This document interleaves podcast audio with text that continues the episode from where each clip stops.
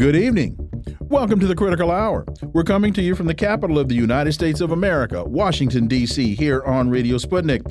I'm your host, political scientist, author, and nationally syndicated columnist, Dr. Wilmer Leon. I'm joined here by my co host, political analyst, Garland Nixon. Thank you, Wilmer. For the next two hours, we will explore and analyze the salient news stories that are impacting the global village in which we live.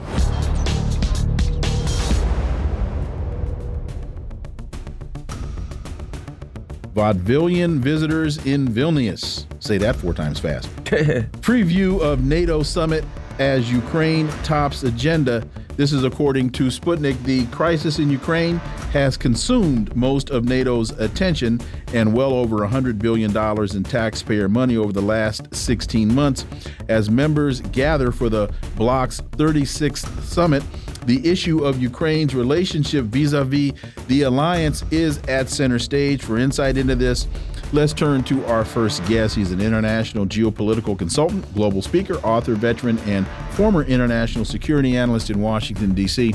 He's the founder of Global Perspective Consulting, headquartered in Dallas, Texas. Dr. David Oualaalou, as always, welcome back.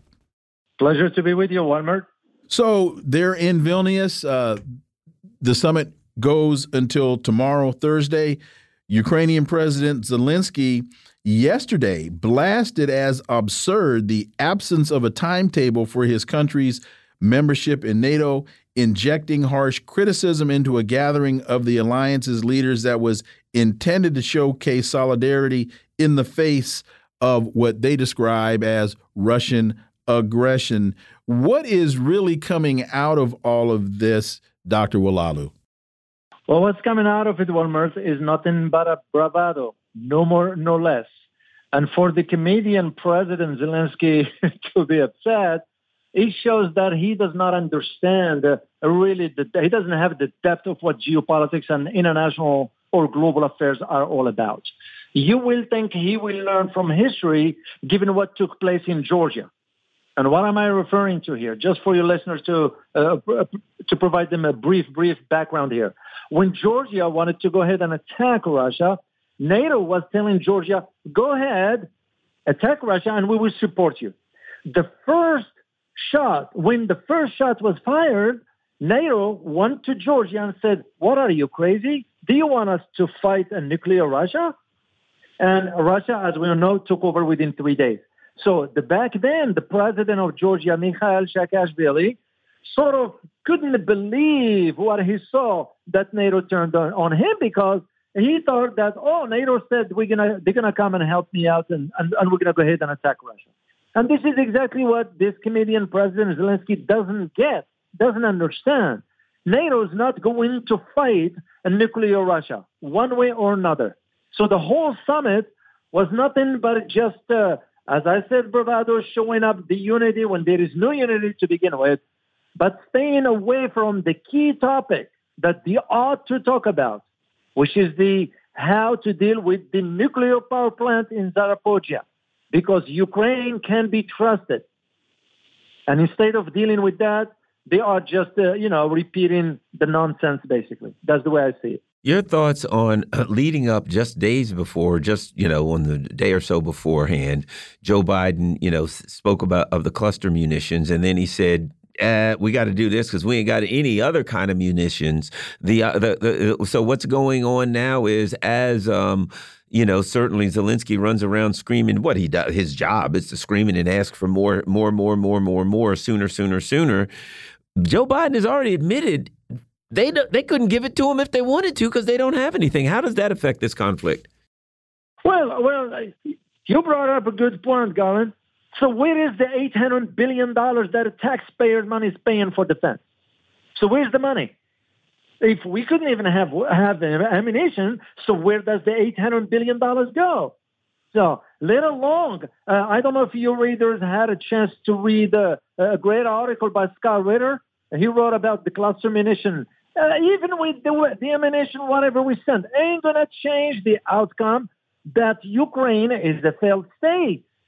Simple as that. Let alone by sending uh, those guys of ammunition, we are sort of uh, uh, showing our hypocrisy when we said, well, by the way, we are banning cluster bomb, and yet we are going on the other side and doing it. So that just diminishes our standing on the global stage, which has been diminished for quite a while. So the idea of thinking about, well, Ukraine needs ammunition and so forth, it's not going to change the outcome one way or another. You asked where did the $800 billion go? Well, months ago, and Garland and I discussed this on the show, they it, it might have been the uh, national the U.S. Defense uh, uh, Authorization Act or National National Security Act. They talked about guaranteed contracts to the weapons manufacturers. So when you hear that uh, uh, Turkey wants 18 F-16s and we're going to send them to them, that Israel wants 24 F-35s and Poland is sending its planes and well this is the money laundering scheme these are guaranteed contracts so no matter what happens in Ukraine and no matter when it happens or when it ends Lockheed Martin's going to get their money. Raytheon is going to get their money. The money that many of them, I think, expected to be taking out of uh, Afghanistan, and they were angry because uh, Joe Biden, according to them, pulled out early. They now can get their money through Ukraine. Well, that's a good point, uh. Because here's the thing: for the F-16, just for your listeners to know why Turkey is going to get this, because that was part of the deal why they will allow now Sweden to be admitted. Of course, Turkey will have to present that uh, uh, uh, proposal to the parliament for a vote. Uh, in return, at least they are guaranteed the F-16. And you are absolutely correct. How does F-16 is going to come by? Well, of course, Lockheed Martin will have to deliver that kind of stuff. So, to go to one point here that I would like your uh, uh, listeners to really pay attention to is that the idea that uh, Canadian President Zelensky is upset uh, that NATO didn't set a date for his country's uh, uh, admission or accession to, to the alliance. Well, there will be no date to begin with.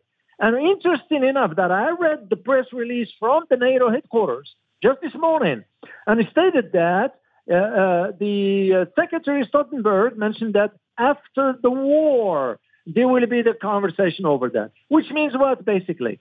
We don't have any dates, which means that they are planning on pro- prolonging the war. We all know, NATO knows, the whole collective West know that Ukraine being in NATO is a red line.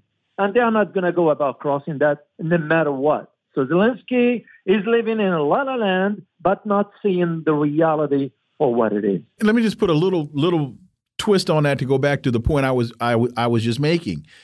NATO does not want any of this smoke. NATO does not, as as an organization, they don't want to go in and fight Russia.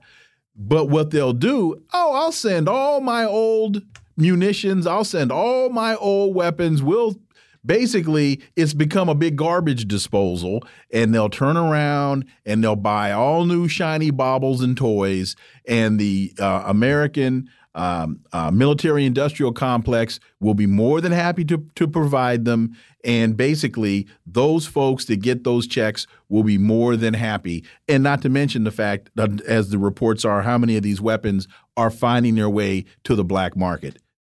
Of course, in, in between Colombia and Venezuela and in Africa. There is another point, if I may here, uh, Wilmer, that again, your listeners need to really pay attention. It's because what we are doing is we are preparing Poland now to be the main stage in the area mm-hmm. and the front line for as much as a bigger war. And what am I referring to here historically? is the same setup Brzezinski did back in against the Soviet Union, if, if you recall. And who is now the U.S. ambassador to Poland? Is none other than Mark Brzezinski, which is the son of Brzezinski, Brzezinski following in the same footsteps of his dad. So basically, we are preparing Poland, and I was there in Poland, and I asked Polish people. They are not happy with their government where things are going. They're like, why are we being sacrificed? Because that's what's going to happen. And this is why you see in now we are prompting the Polish military by upgrading their military. As a matter of fact, they're going to be purchasing tanks from the U.S. and upgrading their airports as well. So all this is part of that big picture of prolonging the war in Ukraine. And Mark's sister Mika, you see her every day on Morning Joe. Yeah, she's a, that's the propaganda arm of the Brzezinski family. The Chinese government has urged NATO not to expand into Asia Pacific, warning that it would retaliate to any increased Western military presence in the region. Interesting because the we've discussed this. I'm sure you're familiar. Former Australian Prime Minister Paul Keating recently spoke out and he said that inviting NATO into the Asian region would be like um, bringing a plague, plague into, your into your home. Your thoughts? Well, you're right, Garland. And even French president is against Macron uh, is against NATO being expanded into Japan. I mean, the moment I heard about uh, NATO opening an office in Japan, you know, what are they going to have the office for? Administrative tasking? No, that will be the the pre-plans for setting up the military alliance over there. This is the same thing know, we just did with none other than Papua New Guinea by signing the military deal with them, by which we're going to be there. Of course, the objective is to encircle China. Even with India, with India, we just signed a deal to allow now the naval logistic hubs to be in India. It's not going to be for refueling. Uh, soon you will see the naval base, U.S. naval base in India, and all its objective to encircle China. And this is why China is saying, you know, for NATO to be in Asia, and I'll take, uh, uh, I'll give applause to ASEAN countries. ASEAN are now taking stand by saying, first of all, the U.S. shouldn't even be sending the cluster uh, uh, ammunition to Ukraine. And second thing, we don't want NATO in our neighborhood, period. And we didn't send you this, but I know you're aware that uh, North Korea, after threatening U.S. military, fires suspected ICBM. So you've got, with all of this development of, of bringing uh, NATO into Japan, now uh, you've you've got Pyongyang sending a a what they think was an ICBM uh, into the sea. Yes, I did read about this one, uh, uh, uh and and you know they don't mess around. no, they That's don't. just how North Koreans are. Well, this is the reason why we never we never dare to even consider because they're gonna respond. They are not bluffing. That's like the Russians. They don't bluff. Their security matters. So, and for us to go all the way down there, I mean, we all we all know where this this is going, and and the idea of for this summit to be talking about unity, you know, it's nonsense. It is nonsense. That's the way I see it. And, you know, the U.S. made a statement about North Korea where they said that North Korea firing this missile um, will destabilize the region. But this is right after they just sent a, uh, a nuclear uh, missile to North Korea to, to the Korean Peninsula, and they constantly do these war games where they simulate attacking North Korea, but then they say North Korea is destabilizing the peninsula. Your thoughts? I One know, minute. Yeah, I know what you mean, Garland, and they and they refrain from mentioning that. Yeah, we are sending a nuclear sub to South Korea. So, and we destabilizing the Korean Peninsula as well? Dr. David Oualaalou, as always, thank you so much for your time. Greatly, greatly appreciate that analysis, and we look forward to having you back. My pleasure. Folks, you are listening to the Critical Hour on Radio Sputnik. I'm Wilmer Leon. I'm joined here by my co host, Garland Nixon. There's more on the other side. Stay tuned.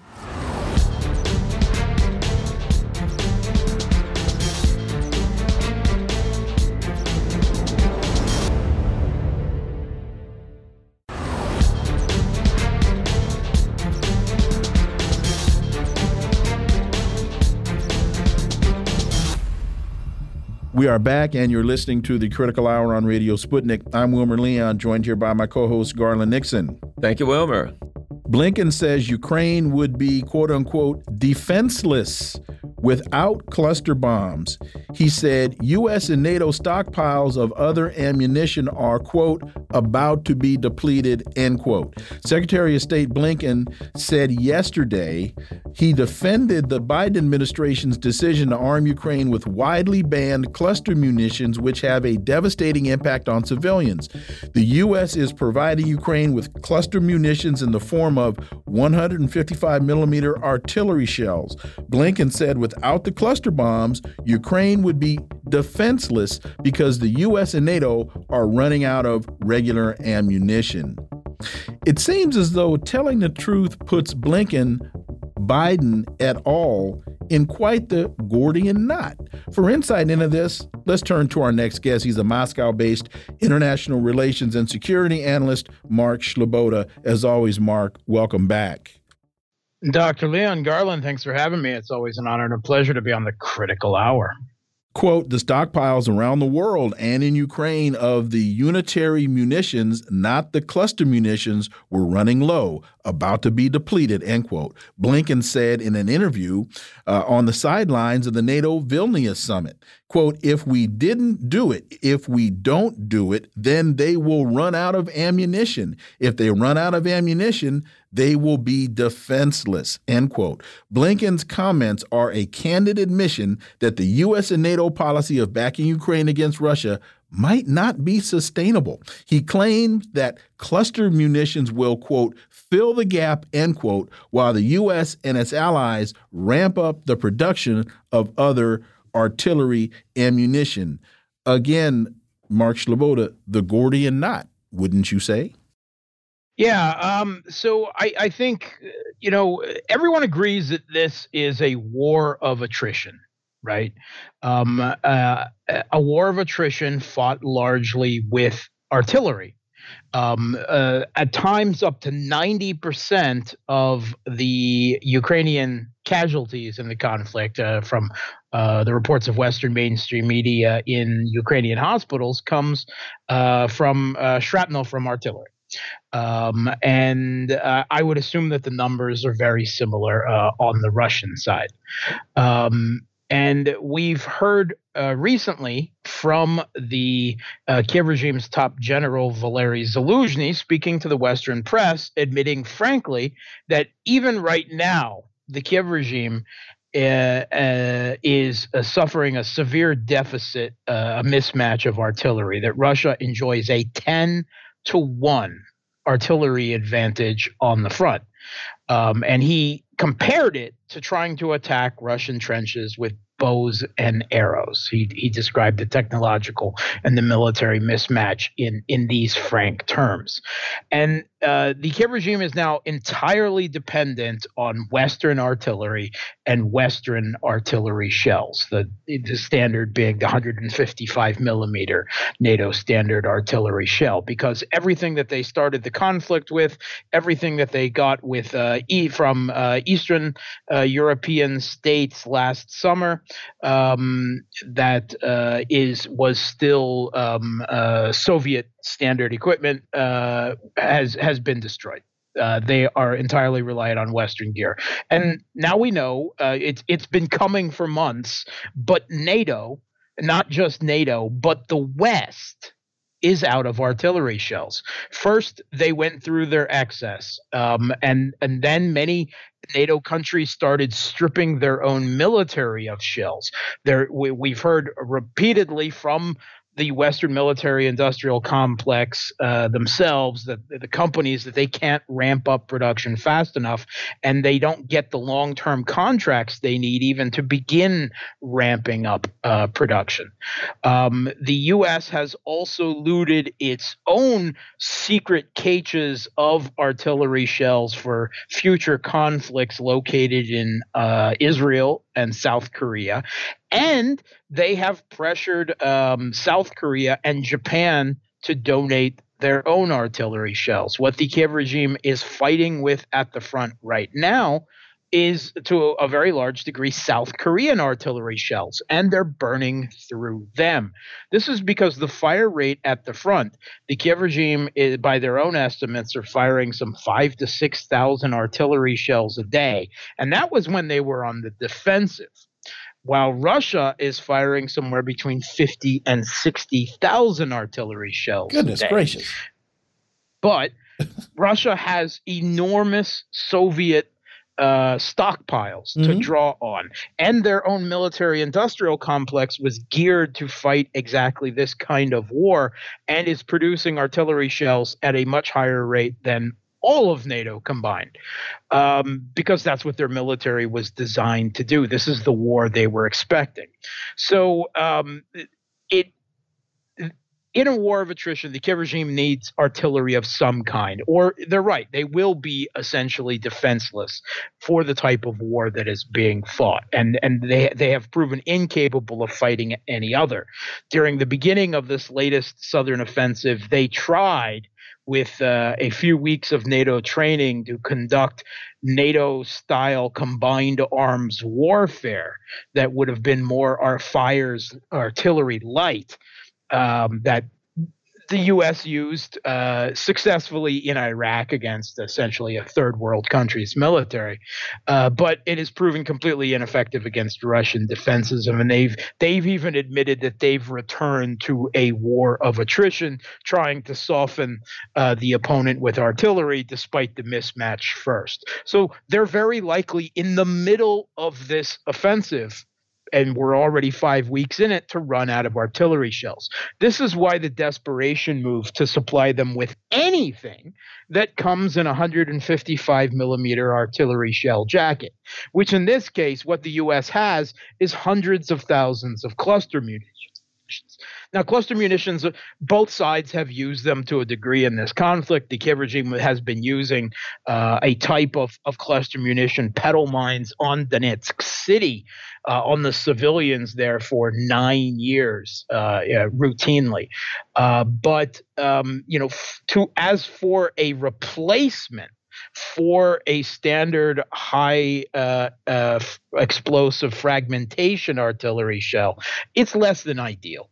Um, it doesn't have the penetrative power. Uh, Biden said some very incorrect things about it being great for clearing trenches. That's that's not true at all, actually, uh, and destroying tanks. Uh, it, it, that's not true at all. A standard artillery shell that that you know has been supplied would be much better uh, for that effect. It could penetrate the shell. It could penetrate the defenses and the fortifications. At least have an opportunity to.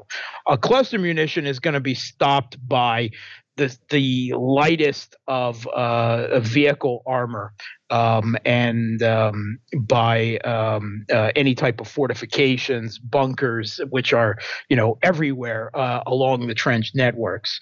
Uh, so it's it's going to be less effective in most situations. Further, it's being used. They're intending to use it as for an offensive which doesn't even make any sense because the way cluster munitions are designed, they have dud rate, right? It doesn't immediately explode. And then uh, it forms essentially like a small anti personnel minefield because they're very imprecise weapons. So you're going to mine an area and then you're going to set you know uh, with artillery shells uh, you know to the fore uh, uh before your attack. And then you're going to send your own troops and vehicles to run over those cluster mines? That doesn't even make any sense does it? They're going to end up doing damage to their own troops using this in an offensive capacity where they're trying to take territory.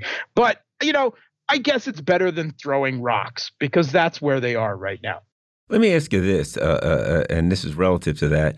Um, at the meeting recently, Zelensky, you know, pretty much raked everybody over the coals. He let them have it. You're not giving us enough um, weapons. You're not doing what we need. You're not giving us the money.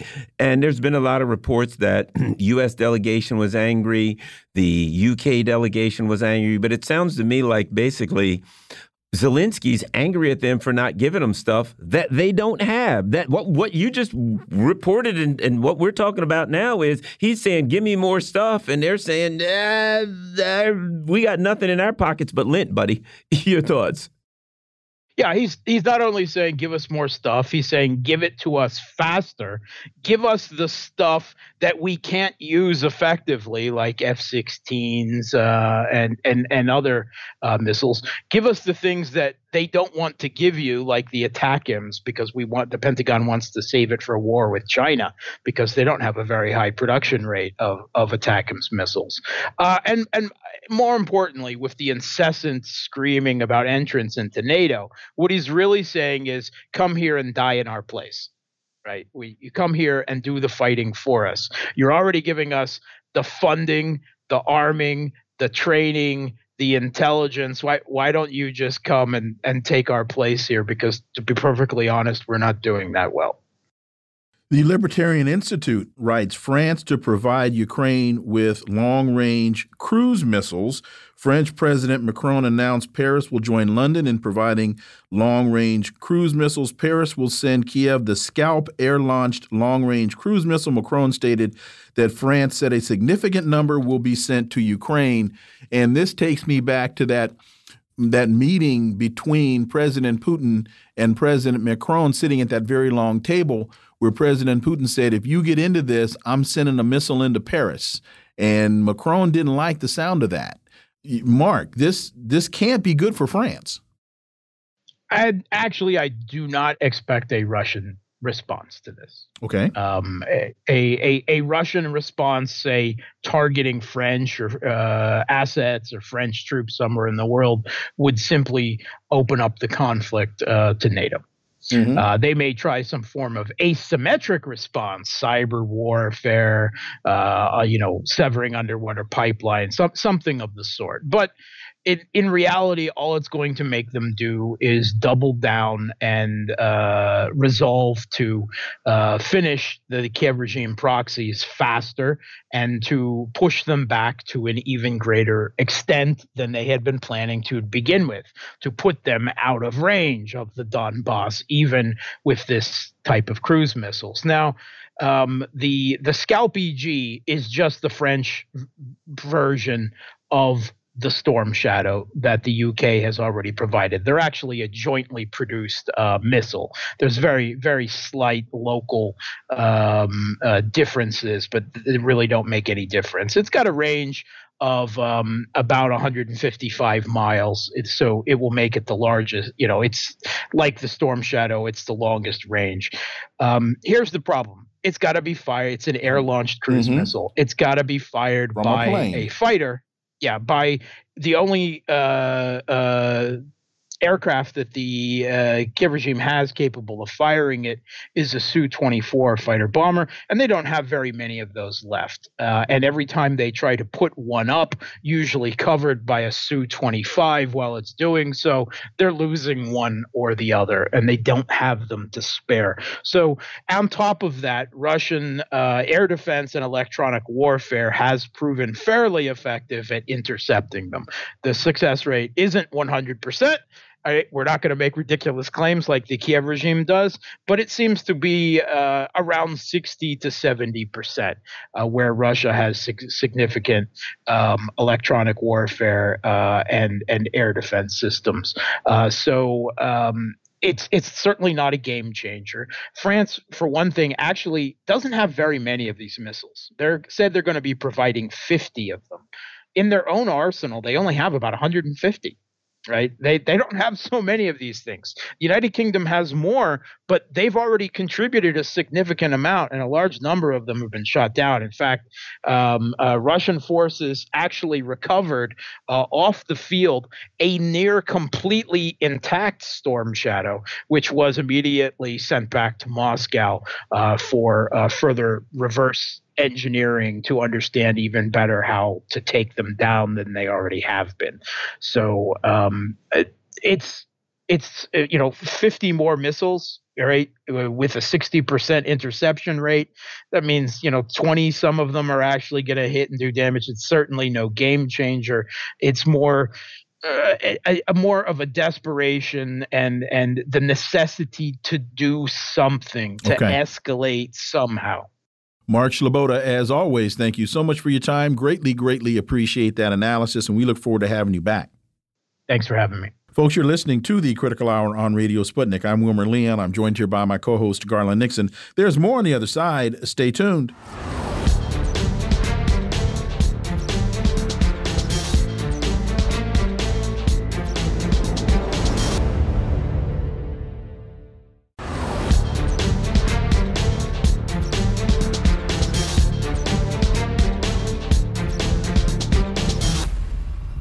We are back. You're listening to the Critical Hour on Radio Sputnik. I'm Wilmer Leon, joined here by my co host, Garland Nixon. Thank you, Wilmer. There's a great piece at the New Atlas entitled Ukraine's Offensive Suffering Heavy Losses Azov Commanders Return. Ukraine's offensive is headed toward week six at one and a half months, Ukraine still has not breached any of Russia's primary defense lines. The U.S. and its allies are attempting to replace lost Ukrainian equipment amid the ongoing offensive. The U.S. is sending an unspecified number of 155 millimeter cluster munitions due to a shortage of 155 millimeter artillery ammunition. The U.S. is also sending an additional uh, artillery pieces as Ukraine suffers heavy losses of equipment amid its now five week long offensive. For further insight into this, let's turn to our next guest. He's a writer, journalist, and host of the YouTube program The New Atlas, and he's the author of this piece, Brian Berletic. As always, Brian, welcome back. Thank you so much for having me back. Always an honor and a pleasure. You also uh, discuss in your piece that the U.S. is sending additional Bradley and Stryker vehicles in its most recent assistance package. You discuss security guarantees for Ukraine are simply ways of rephrasing existing support in another example of NATO weakness spun as strength and you point out that Western media hails Azov leaders' return to Ukraine despite previous coverage of their extreme extremist ideologies. Elaborate on this for us, uh, please, Brian, because all of this seems to be a a formula for disaster and an admission of defeat. Absolutely, we we're watching this offensive unfold. We are watching even the Western media. We're watching even the Ukrainian government. Its uh, commanding general, General Valery Zaluzhny, admit that the offensive is not going well. And we're hearing that it's because they didn't get enough weapons. Uh, I would say that they didn't get enough of the right type of weapons, and that's simply because NATO does not collectively possess the right weapons to send Ukraine. They don't have the time to incorporate them into their armed forces, and they have no ability to effectively use them on the battlefield. This is the predictable outcome. Many people were talking about this uh, months leading up to this offensive. And now we just watched the NATO summit conclude. We heard uh, the the final statement, and all they said was uh, Ukraine. Uh, no, no prospects of getting into NATO anytime soon, and we'll just continue sending them weapons, which is what they've already been doing. So it, it is really NATO weakness. Uh, they're trying to spin it as strength. I think I heard uh, the head of NATO uh, Stoltenberg say the word strong uh, like eight times in one sentence. And I think he was trying to convince himself that NATO is strong at this point. Well, you know, the, and and there's some questions arising here. I mean, they're not addressing them, but Joe Biden the other day said, when asked about, um, you know, why they're sending these uh, cluster munitions, he he, he I think accidentally told the truth. Basically, he said uh, we pretty much don't have anything else to send them. You know, you're running out of weapons. You're just sending people into minefields. I mean, this is really kamikaze attacks, wasting the lives of the Ukrainians. You have to ask yourself at this point, after this meeting, where do they go from here? How far can you keep? How long can you keep taking the, the you know? Throwing Ukraine into these minefields and, and taking these kinds of losses? Brian. It's a good question, and I think unfortunately they they are going to continue pushing Ukraine until they find out, and that that does mean thousands more dying, all of this equipment being destroyed, uh, millions, actually billions of dollars of taxpayers' money from across the Western world being squandered on this proxy war. And this is the same pattern we've seen in so many other wars and proxy wars the United States has led. They just continue kicking the can down the road for a lack of a better option. Uh, and oh, of course, they could admit that this is not working and negotiate, but that that is just not even a concept that exists uh, for people with this type of mindset. You know, I was thinking about this last night, and Afghanistan comes to mind. This just seems to be the United States, another proxy war, and it's the wrong war. The strategy was wrong, the whole plan was wrong. Uh, you go in not really understanding tactically, it was wrong. Uh, the United States thought that it could, through this process, pressure Russia into defeat. Look, we lost Vietnam. We we lost Libya. we lost Iraq, we lost Afghanistan. They just don't seem to get it. This if you want to get into an art in our into an artillery fight with Russia, that's a fight you're going to lose. And Scott Ritter was very clear. Russia will run out of targets before they run out of artillery. Uh, exactly. And I was just double checking plans the U.S. has to expand artillery shell production. They will be making less than half of what Ukraine currently fires. Uh, before the offensive even began, around 6,000 rounds a day. By 2028, they will be making less than half of what Ukraine is firing before the offensive began, which is uh, a fraction of what Russia is firing every single day. So this is not just a problem right now. I, I heard White House National Security Advisor Jake Sullivan saying this is just a stopgap until we can expand production. Production is never going to be expanded to meet Ukraine's requirements, let alone meet or exceed the production rates of Russia. This will never happen, not in the near or intermediate future. So it is. It is them doing exactly what they did in Afghanistan, which was continuously kick the can down the road because they couldn't figure out how to win and they refused to admit defeat. Yeah, and you know, uh, uh, let me ask you this because that's what a lot of people say. The danger here is that at some point, now, what people said for a while is, well, one of the two sides is going to have to uh, admit defeat. And I think we clearly know which of the two sides is going to have to admit defeat. They are running out of um, uh, uh, weapons. Uh, all of NATO is basically be, being de, de, de um, militarized. They're running out of um, cannon fodder Ukrainian bodies, sadly. Um, and the only thing they've got is a narrative. And let me add this if you listen to the experts, as I NATO, they would if they could, but they can't, so they won't. They would interfere, they would go in, they would, but they don't have the weapons, they don't have the military, they don't have the people. They can't get into this thing even if they wanted to. Where do where do you see this thing going after the Vilnius clown show? yeah, that is, that is a good way of putting it. Yes. Uh, it's it's hard to tell. The United States has never been this desperate, and therefore they've never been this dangerous. Uh, what they might try to do in an attempt to bluff Russia and get them to back down, it, it's very hard to say. We saw talk about some sort of incident unfolding at the Zaporozhye nuclear power plant that that had shades of WMDs in Iraq or chemical weapon attacks in Syria written all over it.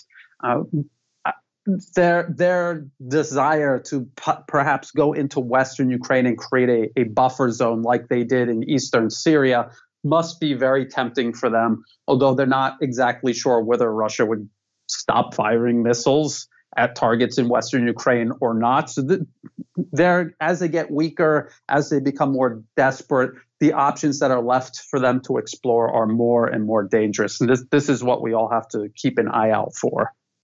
But with the United States allowing for depleted uranium to go in, with the United States now allowing and sending cluster bombs, there was a piece that, oh, France to provide Ukraine with long range cruise missiles.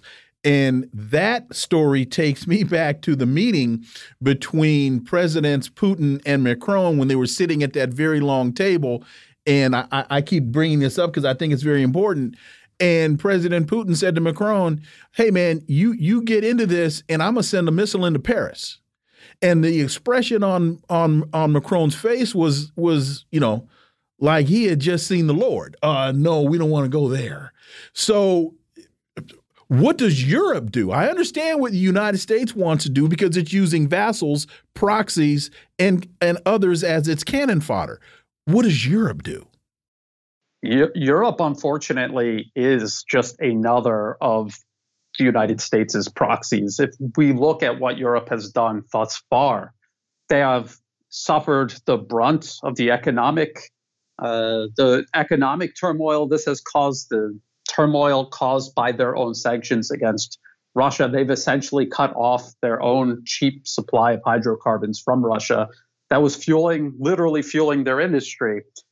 And they're making these decisions not because they ever thought they were in the best interest of themselves or the people of Europe, but because they serve Washington's best interest at the expense of Europe.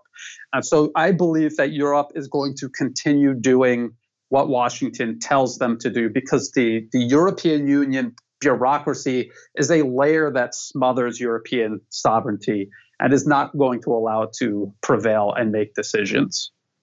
Yeah, I think you're right.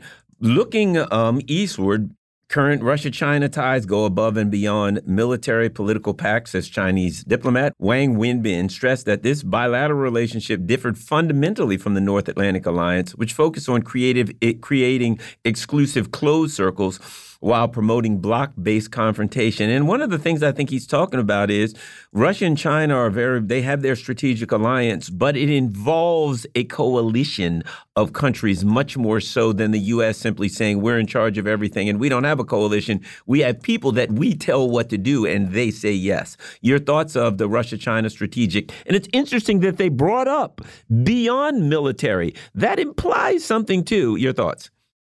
Exactly, because there's a major economic component to all of this. Pro- probably that is the biggest component is economic, and this is being said in response to uh, part of NATO's final statement, which involves uh, targeting China as a threat or a challenge to NATO's collective interests. But what are NATO's interests? Global he- hegemony, primacy over the world, and China simply for existing as a nation that cannot be subordinated by the West poses a challenge to NATO's interests. And this, so that's what they're saying. They're differentiating themselves from NATO. And if we look at NATO from the 1990s up to present day, it has been one war after another wars of aggression, wars far beyond NATO's collective territory in places like Afghanistan or in Libya, death and destruction stretching from uh, Eastern Europe to Central Asia. What has Russia and China done? What, what have they done in the same period of time except basically mind their own business? Uh, I mean, this is this is what they're responding to, and this is why they're trying to differentiate uh, their relationship together versus NATO. And to put it very simply, and this might be too simplistic, NATO is a military alliance and China is posing an economic threat. So the United States seems to be using uh, the wrong solution to solve the wrong problem. Brian. Exactly, but as as the saying goes, if you uh, if you only have uh, what is it? You only have if you uh, only have a screwdriver, every problem is a. If you only have a hammer, every problem is a nail. Thank you. Exactly. Exactly. It's uh, past midnight here. Uh, exactly. Exactly. And so that that is why China is obviously surpassing the United States and, and the G7 collectively in terms of economics, in terms of infrastructure, investment, trade with the rest of the world. This is something the US cannot compete with and doesn't seem interested in competing with. They have their military, and this is what they want to try to use to solve the problem. But they also see both Russia and China, their military capabilities expanding and they see the window of opportunity closing where they might be able to use their military power to their advantage. That's why we see this uh, dangerous desperation in Ukraine versus Russia. That's why we see the U.S. dragging NATO to the Pacific to confront China.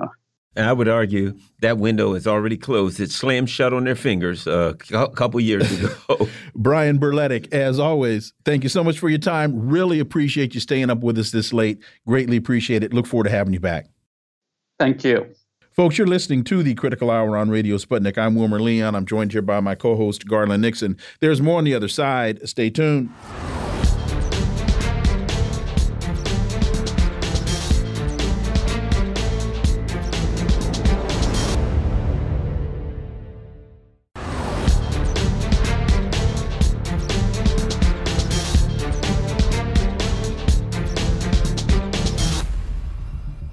We are back, and you're listening to the Critical Hour on Radio Sputnik. I'm Wilmer Leon, joined here by my co host, Garland Nixon. Thank you, Wilmer. There's a very interesting Reddit posting up right now. Career propagandist for the U.S. State Department feed the spokesman, Matt Miller, his lines after he accidentally tells the truth. Here's the audio from his honest blunder. A, few things. So I will say, uh, with respect to your first question, we believe the war has been a strategic failure for Ukraine. Uh, the secretary spoke to this in a speech he gave in Helsinki uh, last month, I believe it was. Uh, what's that? I'm sorry, excuse me, a strategic failure for, for Ukraine. Um, thank you for the correction. Um, uh, which is, oh, I, I, I, need more than one cor- correction today. A strategic. This is the first time at the podium for, for a week. I'm a little. I'm apparently a little rusty. Miller not only blundered once, but twice. That's an indication to me that his subconscious is in direct conflict with his lying conscious. For, for insight into this, let's turn to our next guest. He's a peace activist, writer, and teacher, KJ Noh. As always, KJ, welcome back. Thank you. Pleasure to be with you. So, some would call this a Freudian slip, but again, uh, this seems to be his subconscious is in direct conflict with his lying conscience. KJ Noh. Yes, well, I mean, he made the slip twice, right? The uh, you know, the journalists at the State Department, they were in an uproar and they all jumped in and corrected him. And so as he corrected himself, he repeated the same, uh, you know, the same slip. He said, you know, this has been a strategic, uh, you know, failure for Ukraine.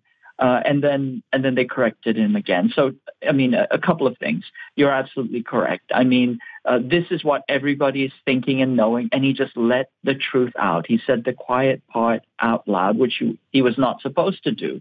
And then you can see the all the you know the journalists who have been equally indoctrinated into lying in the same manner, they, you know, they were all shocked. You know, how dare he tell the truth? And then they all kind of corral themselves back into this kind of group think group messaging. So I think this is so deeply uh, indicative of the state, not simply of you know U.S. political messaging, but of the class of uh, the the media class itself. Yeah, I agree because the issue is the the um, the people in there didn't just.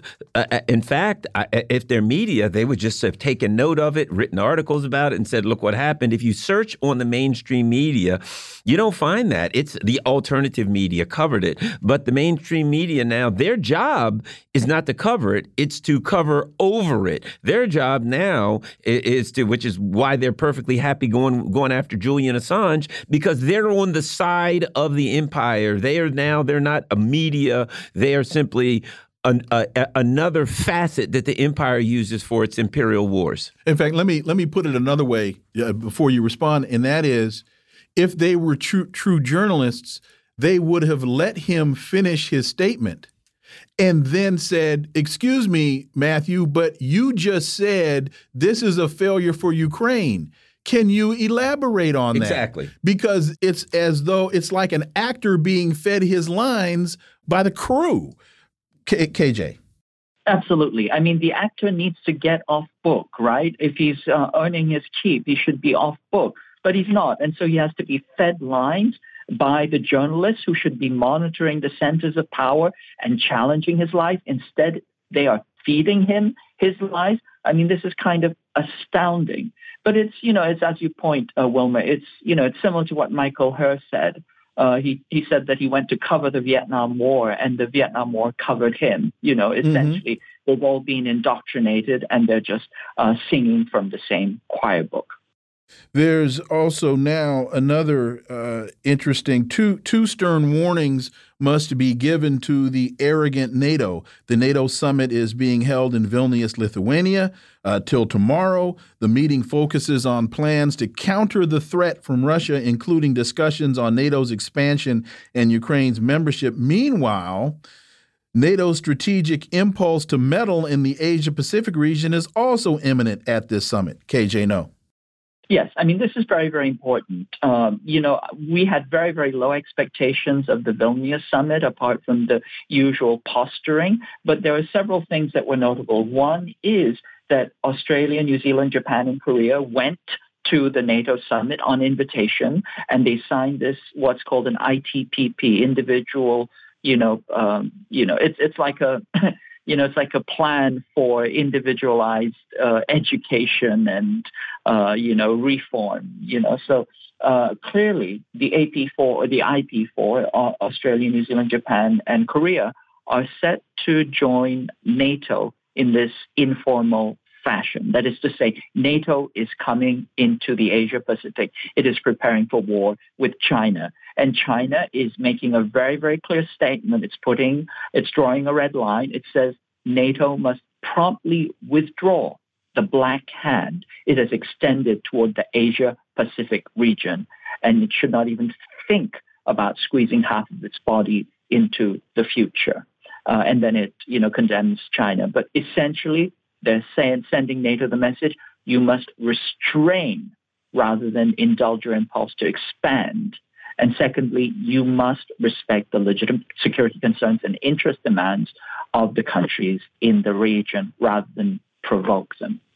And one of the ironic things here is they come together at this Vilnius summit to, you know, one of the things they were supposed to be talking about was the in the infamous counteroffensive, which is a, simply a disaster. Which is, and they've turned Ukraine into a pile of smoking um, ash with uh, just using the Ukrainians for cannon fodder. The idea that the Japanese and the Koreans and the New Zealanders would say, "Yeah, man, you guys are doing such a great job here. Come on into where over there where we live. We'd like to be like Ukraine too." I think there are a lot of people looking at, you know, Paul Keating just made his statement the other day about uh, bringing Ukraine, bringing NATO in your house is like inviting a plague, and you're sitting here and you're saying Japan, uh, Korea.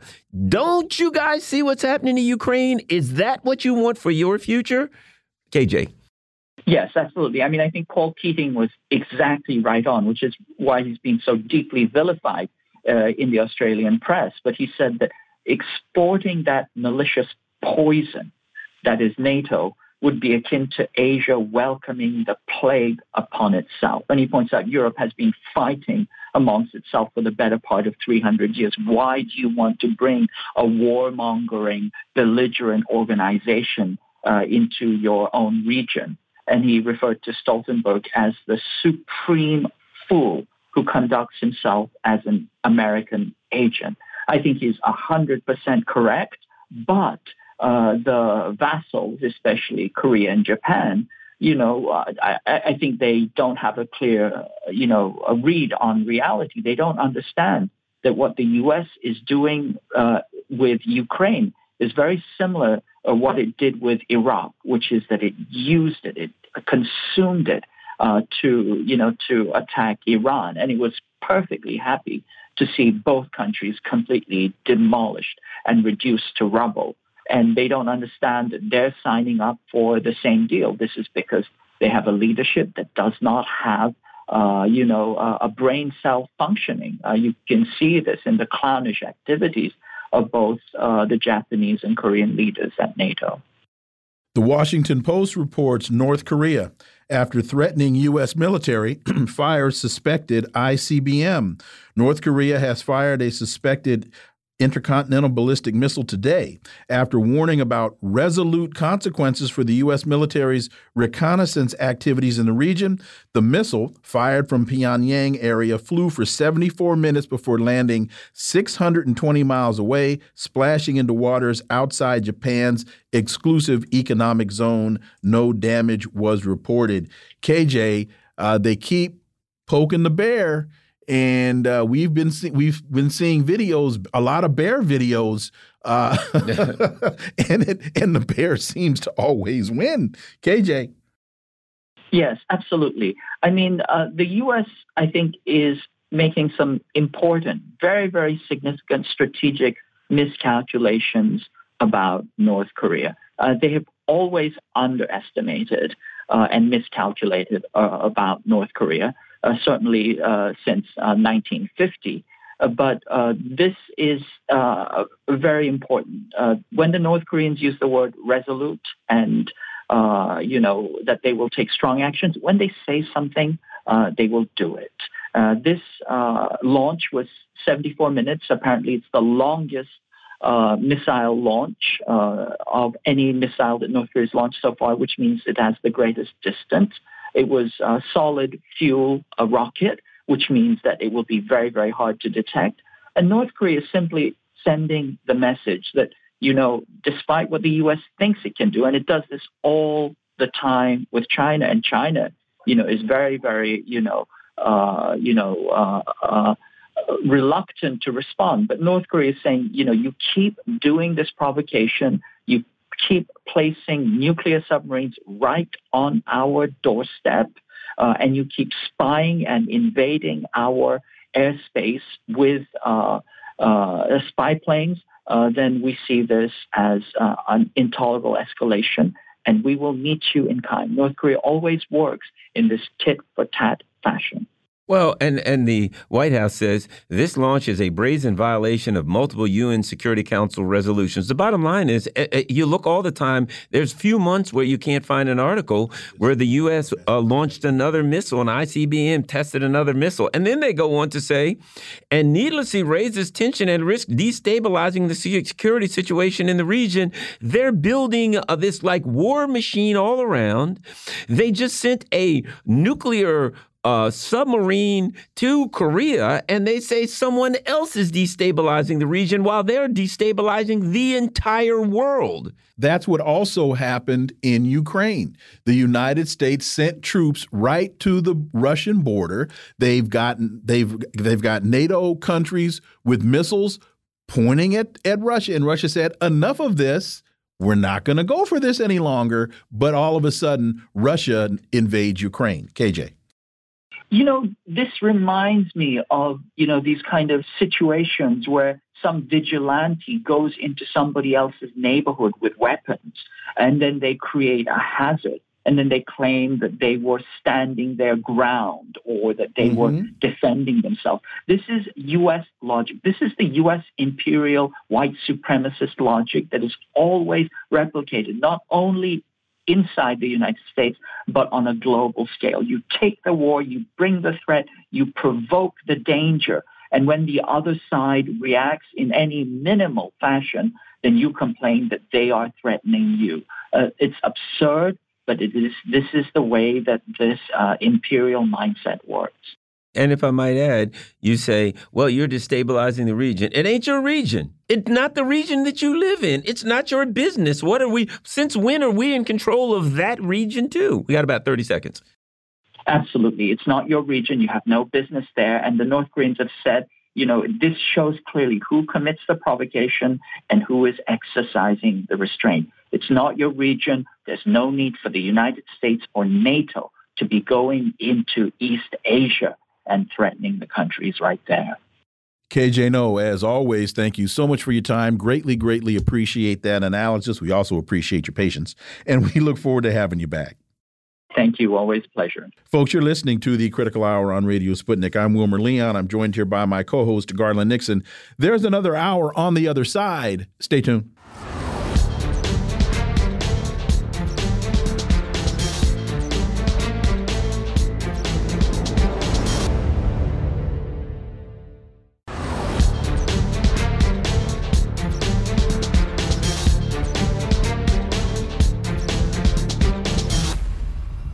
We are back, and you're listening to the Critical Hour on Radio Sputnik. I'm Wilmer Leon, joined here by my co-host Garland Nixon. Thank you, Wilmer.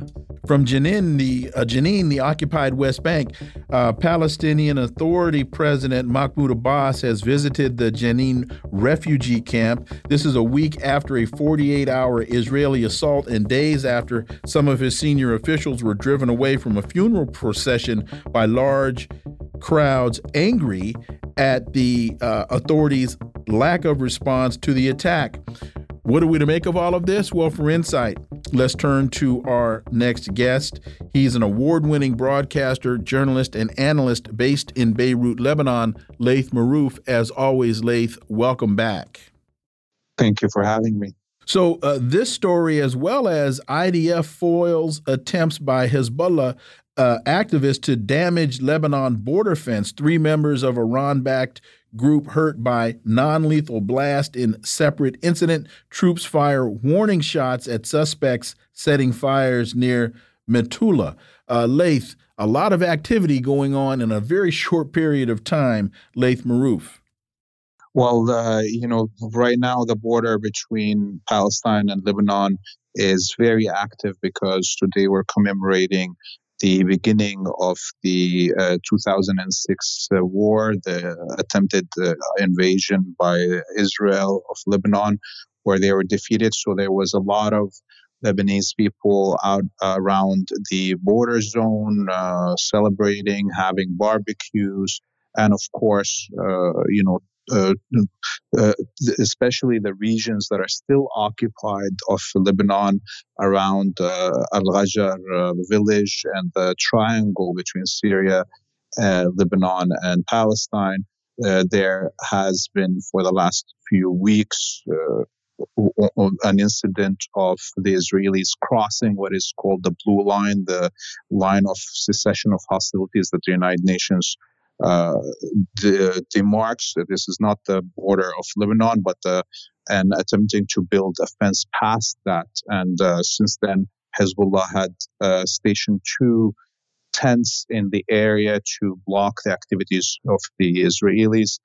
The Israelis are claiming not yet has been confirmed by any side in Lebanon or the government or the resistance in Lebanon that they have uh, fired some uh, explosive device somehow on uh, what they're calling members of Hezbollah uh, around that zone we were talking about. And uh, earlier, also in the day, there was a youth uh, firing fireworks around the fence, and the Israelis soldiers shot above their heads, which actually instigated the youth to climb on the fence and take down all the cameras that the Israelis have installed in the whole region.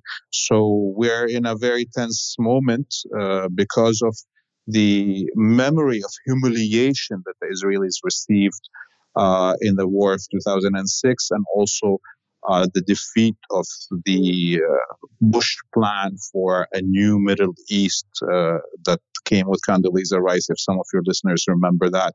That's on that story. Uh, we can talk about uh, Jenin and, uh, and Abbas also, of course. You know, um, because there's another article, the Jenin operation didn't end. Phase two has already begun.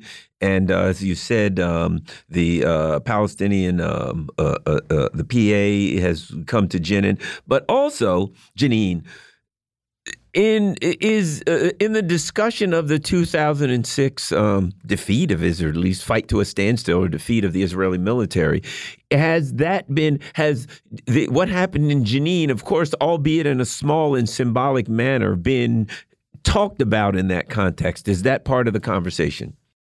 Oh yes, uh, you know right now uh, uh, Sayyid Hassan Nasrallah, the Secretary General of uh, Hezbollah, is giving his uh, speech on the commemoration of the war, and he set immediately the uh, subjects that he's going to talk about. Three subjects, and one of them was what's happening in Jenin and in Palestine.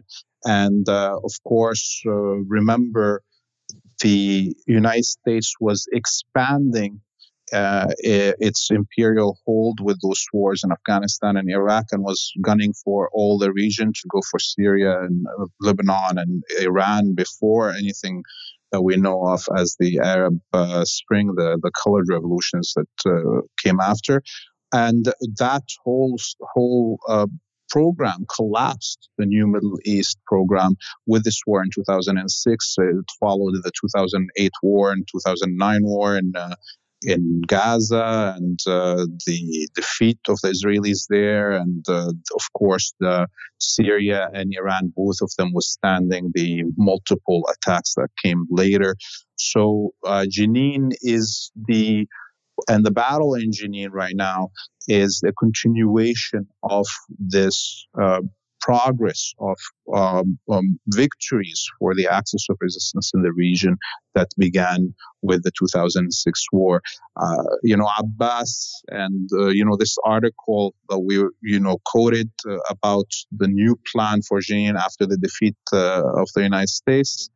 Uh, it's clear that Abbas today attempted to you know show that he's still relevant somehow and the palestinian authority that you, know some of your listeners remember their members were chased out of the uh, funerals of uh, the martyrs of jenin after that battle.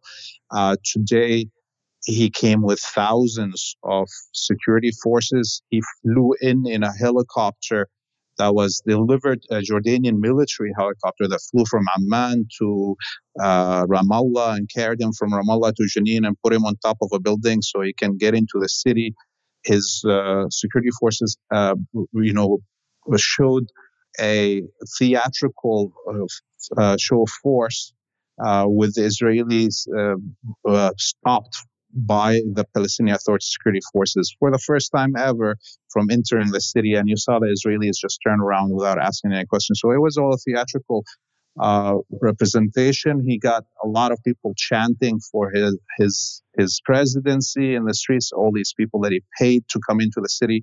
There was uh, even attempts by the security forces to take down the uh, flags of various uh, Palestinian resistance groups uh, that fought in Jenin, and the residents uh, stopped them. So the flags were everywhere of all the Palestinian factions that fought in Jenin against the Israelis. And Abbas came out, came in as a clown, and he left as a clown, and nobody gave him uh, a look from the locals. Actually, the families refused to meet with him. He was supposed to go uh, to the uh, uh, you know graveyard where the martyrs are, and the families refused him to allow him to come and see them. And this was a clear message from the locals of Jenin to this collaborationist uh, Palestinian Authority and its head, Mahmoud Abbas. Haaretz has an interesting piece. Republicans threaten U.S. State Department nominations over Biden's quote unquote boycott of Israel. Republican members of Congress threatened to derail the confirmation of State Department officials after Biden nixes funding for research institutes or tech projects in the West Bank. Beyond what the funding is for, you know, one of the things that a, that a lot of Zionists push back on is when people say that that the Zionist colony of Israel is controlling American politics. Well, this seems to be a clear example of such, Laith Marouf.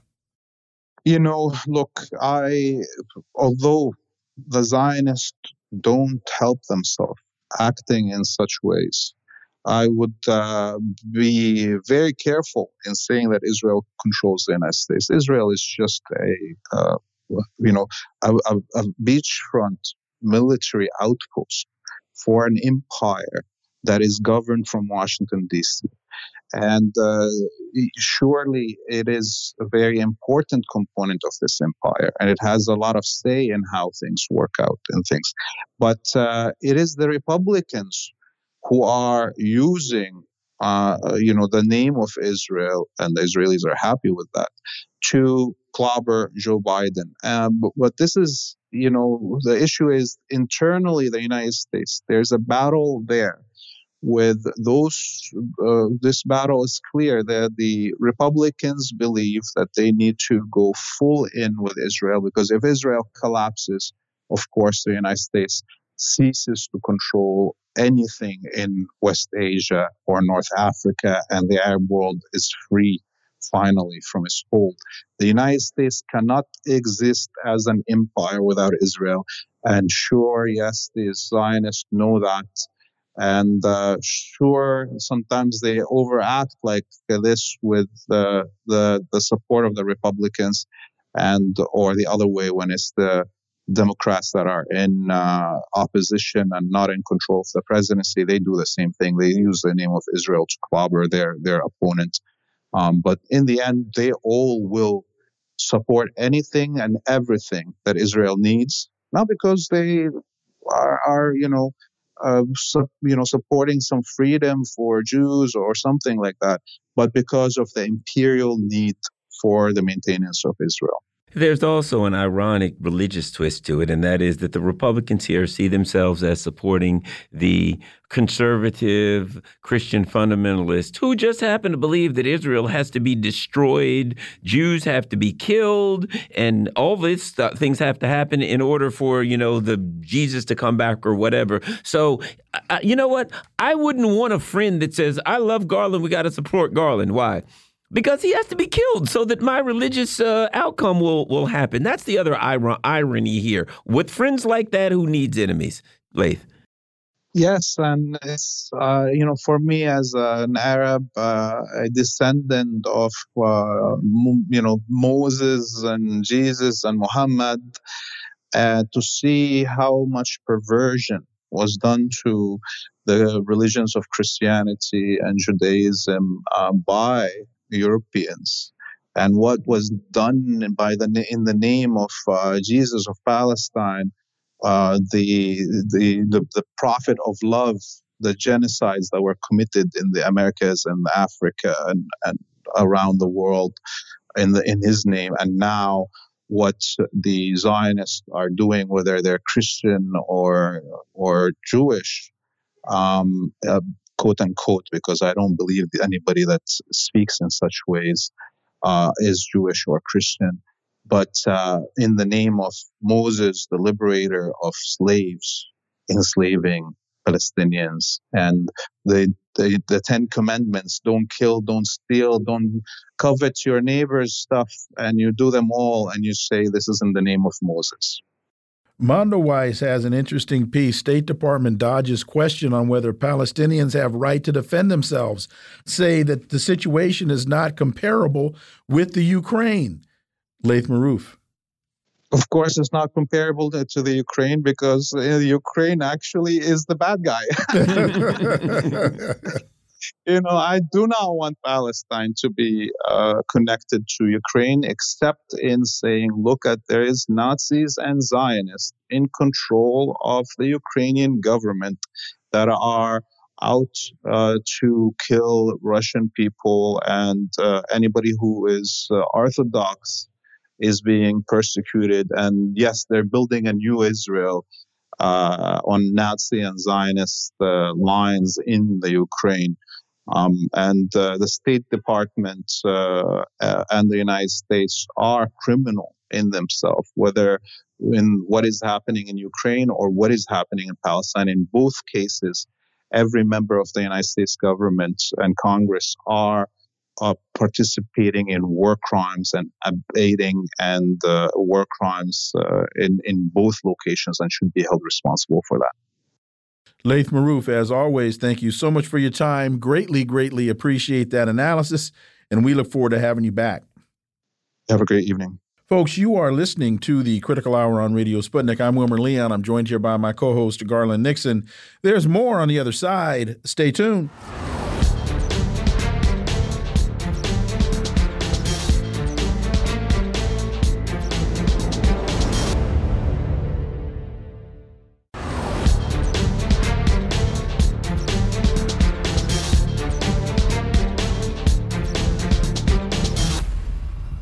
We are back, and you're listening to the Critical Hour on Radio Sputnik. I'm Wilmer Leon, joined here by my co host, Garland Nixon. Thank you, Wilmer.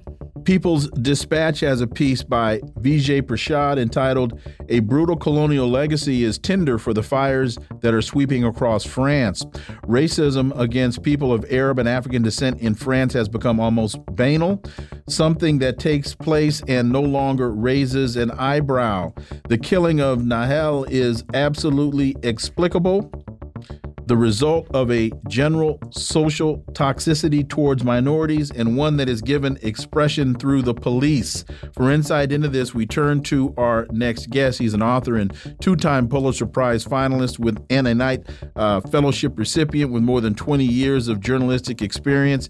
He's a former Washington Post bureau chief and award winning correspondent on two continents, as well as a former radio and television producer for Chicago Public Media's This American Life, Jon Jeter. As always, Jon, welcome back. Thank you for having me, brother. So on Saturday, July 1, a large crowd gathered inside and around the Ibn Badis Mosque in Nanterre, France, where a 17 year old boy was mourned and later buried. France's Ministry of the Interior released the number of racist attacks and killings from 2021. The French National Consul uh, Consultative a commission on human rights said that the situation was alarming. Jon, there's a there seem to be a lot of parallels into what's going on in France and what has ignited this most recent uh, outrage and what's been going on in the United States since it was the United States. Jon Jeter.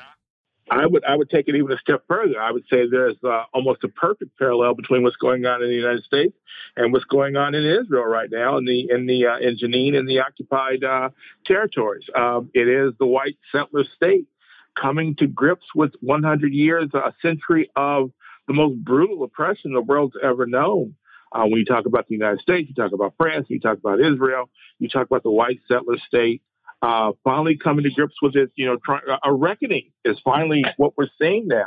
Uh, how it plays out, we can't say, but this this um, this idea of of occupation by France of the United States, which is uh, uh, uh, uh neo-colonialism, and Israel is uh, it is is run its course. Right, you can't squeeze any more money out of these exploited classes, blacks, Latinos, the indigenous here in the United States, uh, North Africans, particularly in France, uh, and of course the Palestinians in Israel.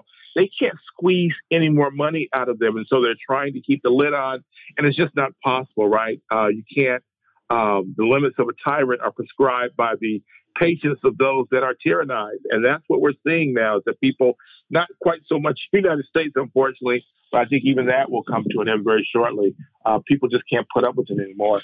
One of the interesting things is President Macron called the killing of the young boy, 17 year old Nahel M, inexplicable inexplicable. Well, everything's explicable. He can explain everything about Ukraine and what's going to happen and blah, blah, blah. Wrong every time. But when this happens, when you look at France's history, when you look at the history of NATO going to Libya, Afghanistan, around the world, starting up trouble and creating refugees, it's easily explicable. What are your thoughts about why Macron would make that argument and what it means?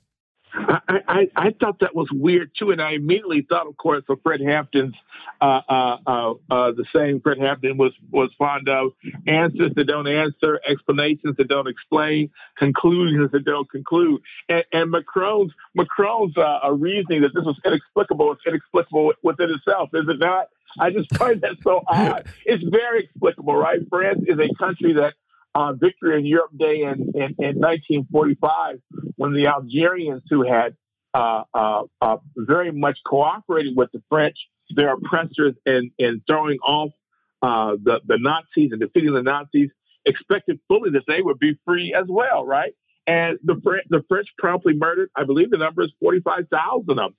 Algerians, uh, you know, protesters, Algerian protesters in uh, France in 1961. I think thousands of protesters. The police murdered, we think, about 100 of them and threw them, dumped them into the Seine River. Uh, I, think this is very uh, easy to explain, actually. I'm not sure what Macron thought he would gain by saying that. I do know this. I, I do suspect this that Macron is at least rhetorically responsive to this young man's killing because he's really in the in the hot seat right now, right? I mean, he passed this pension law, dropping uh, raising the age, the retirement age, which was tremendously unpopular. I think he had to at least come out in a rhetorical fashion and condemn this killing. Although I think he was very ham-handed in the way in the way that he did it, uh, and he's also not managed to quiet his police, who are uh, Nazis within themselves and who are arguing inexplicably for more violence. Although maybe that's not maybe that's not hard to explain either. Uh, they are doing what they do, the gendarme in, in, in France, uh, uh, and more oppression of, of the North African uh, peoples who have relocated to France. Uh, so yeah, I, you know, this is. Uh, I don't think they have, they have any answers. I think you know, um, Macron is probably a little bit more sensitive than Joe Biden. You know, who held his Klan rally at the State of the Union address a few years ago, and you know, arguing to fund the police. Uh, but um, you know, uh, and, and probably neither Macron nor Biden is nearly as bad as uh, Netanyahu in Israel right now, which is uh, really gone overboard and almost delivered on the, the hope of terrorism. Although I don't, I don't really think the uh, Palestinians are terrorists, but the hope of terrorism is that you're that the oppressor will overreact and really shine a light on just how evil they are. Uh, Netanyahu in Israel is doing that right now in Jenin. Um, uh, and, and, let me just say this to end this off. We, we, we talked about the similarities. We started talking about the similarities a friend sent me a picture of a young man, I believe he was autistic, Palestinian teenager who was killed by Israel a couple weeks ago, I think, about 10 days ago. Yes. Uh, there is a there is a mural that went up almost immediately. In is it, is it Farsi that they speak in Palestine? Uh, whatever the, the language is, above it, it reads George Floyd. They're comparing that young man to George Floyd. And so I think that is uh, very telling about what we're seeing nationwide. If we connect the dots, this is about white settler terrorism, which is which is which has been which has existed for 40 years. A lie cannot stand forever, and truth crushed to the ground will rise again. I think we're starting to see truth start to rise once again. Thankfully, it's interesting that you bring up the comparison to George Floyd because the last time there was an attack in Gaza, and they attacked the head of one of the Palestinian organizations, they did an interview with him in his bombed out apartment. And in the back, you could, in the rubble, there was a poster of George Floyd on the wall. Oh, wow. And yeah, this was about six or eight months ago because we Garland and I talked about mm -hmm. this. And and so the fact that that people of color in this country need to understand is they are much closer to our struggle than we are to theirs. Oh, I, I would even go a step further. I would argue that Palestinians, writ large, of course, you, obviously not all of them. You know, everyone has some measure of anti-blackness. Everyone who's not black has some measure of anti-blackness. But I would argue that Palestinians are closer to our struggle, the struggle of working class um, uh, Black Americans uh, in the United States, than many of the own, of our own Black elite. They're closer to our oh, struggle yeah. than Kamala Harris and Barack Obama and and, and, and all of these uh, this black political class, which is taken to, which is basically surrendered and said, "Hey, let's just do what the white people say, and maybe we'll be okay." I, I, you know, it, it's extraordinary. And let me say this. Let me say this too. You know, when I was in South Africa for four years in the early aughts, one thing that really struck me, and I was already, of course, pro-Palestinian, but the but the the the resonance of the Palestinian struggle to black South Africans who had endured apartheid was second to none. I would argue that they were even they were more simpatico with the Palestinian struggle, at least at that time. I don't know if it's changed since, but at that time in the early on, they were more simpatico, more supportive even of the uh, Palestinian struggle than they were of the black uh, of African Americans uh, uh, independence movements here in the United States, at least at that time. So it is a it is a big deal, and again, I think it's I think it's the the the uh, how would you say this? It's, it's like the, um, uh, the the hive of white settler terrorism is in Israel, but the satellites are in France, are in the United States, are in England, and and and throughout across the West. Margaret Kimberley in Black Agenda Report writes the state's constant attack on black liberation. In 20 in a 2019 Breakfast Club interview, Kamala Harris claimed that Russian bots were responsible for the controversy surround surrounding Colin Kaepernick taking a knee. She mm-hmm. also claimed to be the victim of Russian spying. And of course, we have to bring into the conversation what's happening to the Uhuru movement. They've been around since the 60s, and now all of a sudden they're doing the same thing they've been doing all all along, but now it's for the Russians your thoughts. I think it's an excellent article. Yeah, oh, I do too. I, uh, and Margaret uh, was gracious enough to publish an article of mine uh, today, which is very similar uh, in, in in talking about. I talked about the uh, death of Mutulu Shakur, uh, one of our greatest uh, radical thinkers and intellectuals, stepfather of Tupac Shakur. And I, I talked about just his history uh, as an acupuncturist and the uh, takeover by the Young Lords, a Puerto Rican radical organization modeled after the Black Panthers, uh, uh, modeled after Black radical activity in the 60s and 70s, how they took over Lincoln Hospital in the South Bronx in 1970, I believe it was, because they, they called the hospital the butcher shop because they were so uh, uh, um, terrible in their treatment of the, the, mostly Puerto Rican community at that time. And uh, uh, Mutulu Shakur supported them and uh, created this acupuncture program to create uh, to to treat uh, chemical abuse, uh, people who suffer from chemical abuse, um, drug abuse, particularly heroin. And it was effective. It was proven to be effective. It was, it's since been dismantled. But they talked about the, the, the chemistry, the, the collusion between black radicals and the Puerto Rican radicals, how they were inspired by not just Mutulu Shakur, but also by uh, Mumia Abu Jamal and other black radicals. And, and was, you know, founded after, it was modeled after the Black Panthers in Chicago in particular and spread across the country. And, and the point I'm making is that uh, there is no greater threat to the American empire, to white, to white settlerism, really, around the world. There is no greater threat than radical black politics as represented by people like Mutulu Shakur. There's no greater threat because the black voice, you know, and I, this is not, uh, this is not, I don't mean to be, be uh, braggadocious or, or, or, or bravado, but there's just nothing like the, the black voice. I think largely because we are the most oppressed. The most oppressed historically are the engines of change. They have to be, right? Have to come from the bottom. And so the black voice, when it speaks, when it's allowed to speak and tell its own story, it's just, there's nothing like it in terms of its power. And so I think uh, Margaret is exactly right that, that the empire is focused, in the last 50 years especially, has been focused on suppressing and silencing the black voice because everything emanates from that, right? People listen, not just the young lords and Latinos, but even white people. Think about the Weather Underground and and uh, uh, uh, SDS, you know, here. Think about uh, was the Baader Meinhof group, even in Germany. Uh, these groups are are are tuned in. They have an antenna for the black voice, telling its truth and instructing it how to move forward, how to move in a radical way. So, yeah, it's um, it, this is a truth that we, that we can't that we, we we've forgotten, but remains no less true. Right? That the black radical activism is the greatest threat to white supremacy the world over. And uh, quickly, we have just about a, a minute and 20 left staying in Black Agenda Report more than meets the silk press Kamala Harris and U.S. imperialism. Uh, she can be the object of derision for her word salads and oddly nervous laughter, but she plays an important role in promoting U.S. imperialism and the um, cynical politics of representation. I thought that was a wonderful story, uh, by the way. Uh, it taught me some things that uh, I think the author mentioned that his maybe his grandmother, his aunt, or his mother, I can't remember. Someone mentioned that that her nervous laughter, her sort of sort of ditzy persona that she gives off is intentional. She's trying to disarm white people. She's trying to sort of play up to the uh, it's performative blackness. In other words, I know it's a brilliant article where we talk about that persona, but yet we juxtapose it with the dangerous things she's doing in the Caribbean and Latin America. Uh, uh, how she's been weaponized against black people uh, and and and uh, uh, the, the the mixed race people of the Caribbean and Latin America. I thought it was a wonderful article and a real lesson in the weaponization of a black identity and why so many of our black politicians, our black, black middle class, why they practice a performative blackness, but not a political blackness.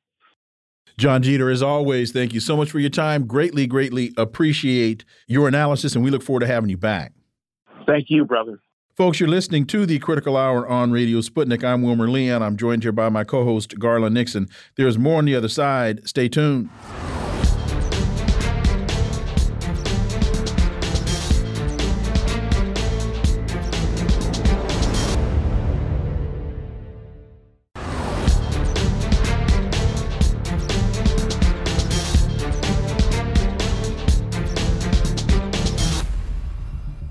We are back, and you're listening to the Critical Hour on Radio Sputnik. I'm Wilmer Leon, joined here by my co host, Garland Nixon. Thank you, Wilmer.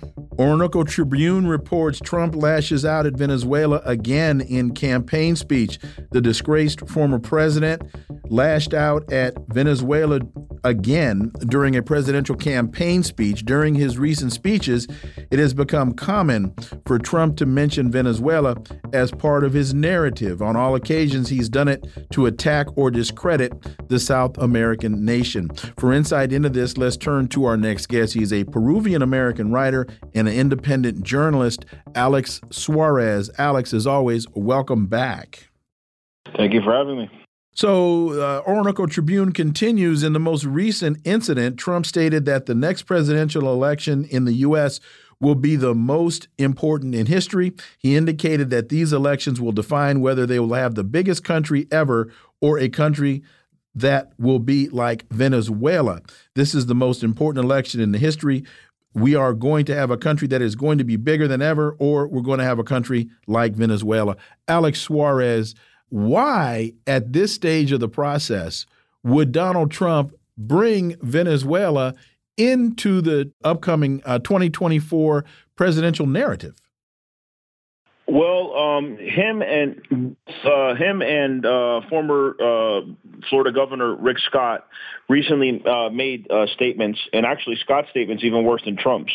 Um, and Trump's statement was saying he doesn't want any foreign socialists or leftists uh, you know, coming into this country. um, uh, you know, or coming into Florida where he resides. And Scott said he doesn't want any socialists at all from anywhere, including other parts of the United States, uh, to migrate to Florida.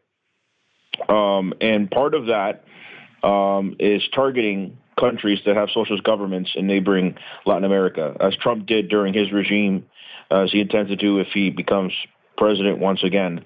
Uh, so that's all tied into, you know, this rhetoric, uh, this anti-leftist rhetoric, this fascist rhetoric, uh, you know, that goes to, uh, you know, immigrants uh, that happen to be leftists not coming to this country, or Scott's, which even more extreme, that he doesn't want American citizens entering the state of Florida uh, that happen to be socialists. Um, and he, he says that uh, they tend to say these things uh, in the name of freedom, which is quite interesting, right? Because, uh, you know, they want to deny the freedom movement for others because they think politically different in the name of freedom. It's kind of a Orwellian doublespeak. Well, the other thing too is it shows something about uh, um, Trump. And this is what I say. You know, people have this idea that Trump's some kind of an anti-imperialist, anti-war, whatever. Here's the thing about Trump: he doesn't want war or conflict with Russia or China or one of the big boys. He wants to beat up on small countries, and he is an ideologue. So if it's left or socialism, so he's the old school type that says, "Hey, where's the little old countries, smaller countries that have like brown people and socialists? We'll beat up on them. We'll rob and steal. We'll take their oil. We'll take all their stuff. Ah, China and Russia's too big. We don't want a war with them." So he's still an imperialist. He's still a warmonger He's just he wants to eat uh, he wants to eat the easy stuff and not fight the big guys. In my opinion, your thoughts? Well, they always say when they defend Trump as well that well, at least he never attacked Iran. He killed Soleimani. He killed right. the most important Iranian general in, in neighboring Iraq. So yeah, maybe he didn't bomb Iran, but he backed sanctions. He pulled us out of the Iran deal. Biden's maintained that, and then he killed their most important military leader, who was fighting ISIS. Uh, so you know, it's hard to you know, really have a leg to stand on with arguments like that. Does it send a bigger signal to you? Here you have Trump uh, lashing out at Venezuela. You've got uh, Mike Pence uh, last week in France calling for regime change uh, in Iran. This militarism uh, leading into this 2024 uh, presidential campaign, I can't see it being very well received internationally. Absolutely. I mean, uh, you know, in world opinion polls, they show that the United States is the biggest threat to world peace, and, and also in recent uh, world opinion polls, uh, the biggest threat to democracy, the biggest preventer of democracy. Uh, whenever countries in the third world, uh, particular, you know, darker skinned nations that have resources, uh, try to rise up through their own democratic processes, the United States intervenes and prevents that. And that just doesn't just come from uh, you know, the White House that comes from the intelligence agencies that are constantly meddling in the affairs of other nations. And speaking of that, um, RT, the EU must get its house in order before meddling in Venezuela. Even as rioters are trashing French cities, Brussels is more concerned with lecturing foreign countries. That's interesting because they're always talking about, you know, Venezuela's bad. Um, Venezuela's, you know, they, because they lately they're going after Venezuela. Meanwhile, the UK is pretty much broke. Germany, they're going broke. They're being deindustrialized. France is a smoking pile, uh, pile of ashes, and they're the chickens are coming home to roost for all of their, you know, uh, um, colonialism and imperialism. Their their home is falling apart, and still they can't stop themselves. They've got to po point to those people over in Venezuela. Oh, they're all screwed up. It's just a, it's it's it's embarrassing to watch. Alex. Absolutely, and of course, Latin America has far more sovereignty than Europe, far more independent foreign policy. Uh, much of Latin America is not under the sphere of the United States. Uh, there are Latin American countries like Venezuela have democratic systems that are superior to the United States, even superior to Europe to a degree. So, who is the EU at, at this point in history when it's under the thumb of the U.S. empire? Uh, you know, to judge how Latin American governments run uh, their own nations. Um, I heard a figure the other day that was quite shocking. Uh, you know, that said there was actually more Europeans that died from this past winter than than all during the COVID crisis. Uh, you know, and those were deaths that could have been prevented had they been permitted uh, to buy Russian oil. But the U.S. would not let their governments uh, let their, their people heat their homes, heat their schools. Um, so, who are the European governments to look at, at Latin America and how they run their affairs when their country's in flames, particularly a country like France right now. Who is Maria Corina Machado, and what is this conflict over whether or not she's going to be allowed to hold public office? She's one of the most vicious and most infamous far right oppositionists. Uh, she not only advocated for uh, the sanctions that was a genocide against the Venezuelan people, she's advocated for an invasion of her own country.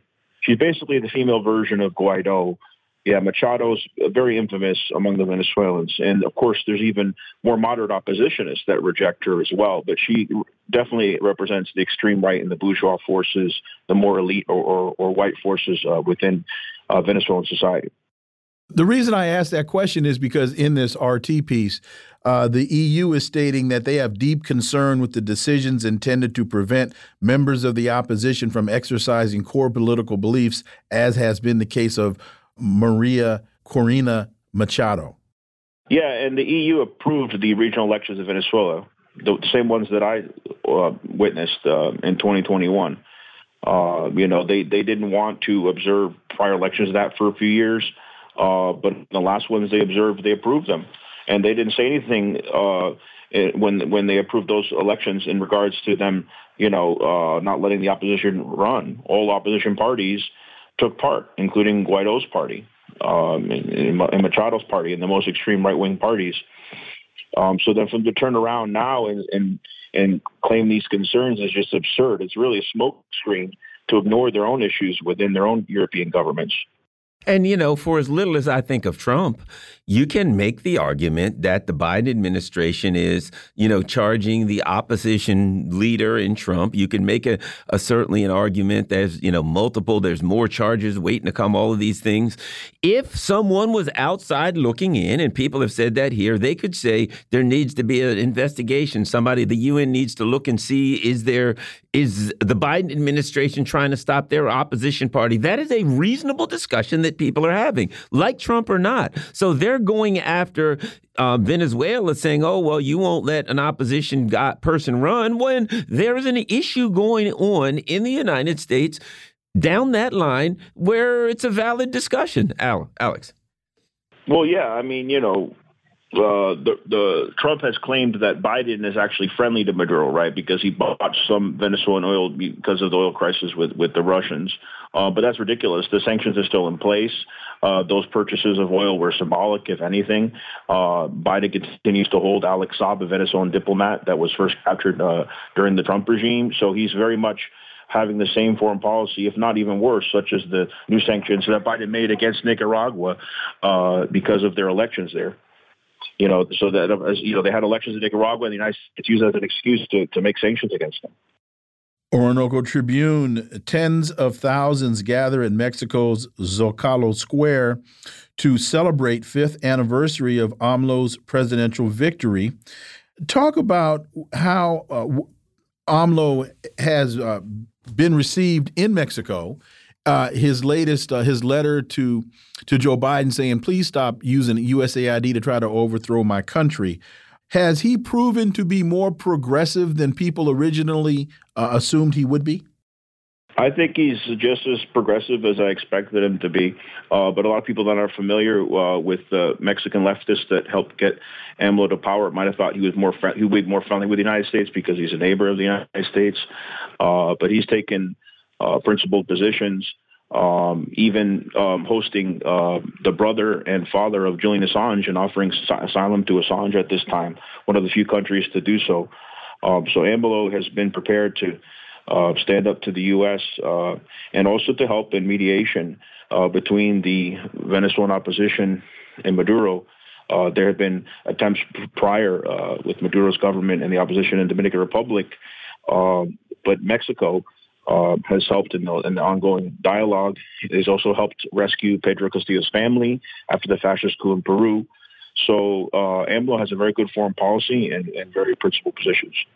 Yeah, and um, you know, I think we've been something we've been following lately, and that is, you know, the Biden people. Uh, we're sending troops to the border for immigration. The Russians, oh, I mean, excuse me, the Republicans, oh, we may have to bomb the drug cartels in Mexico. It sounds it, that looks to me like they're unhappy with the nationalization, with the left-leaning policies, and I think troops going to the border and the threats of bombing Mexico has nothing to do with drug cartels and, fent and, and fentanyl. It it has to do with intimidating AMLO. And and don't forget Lindsey Graham.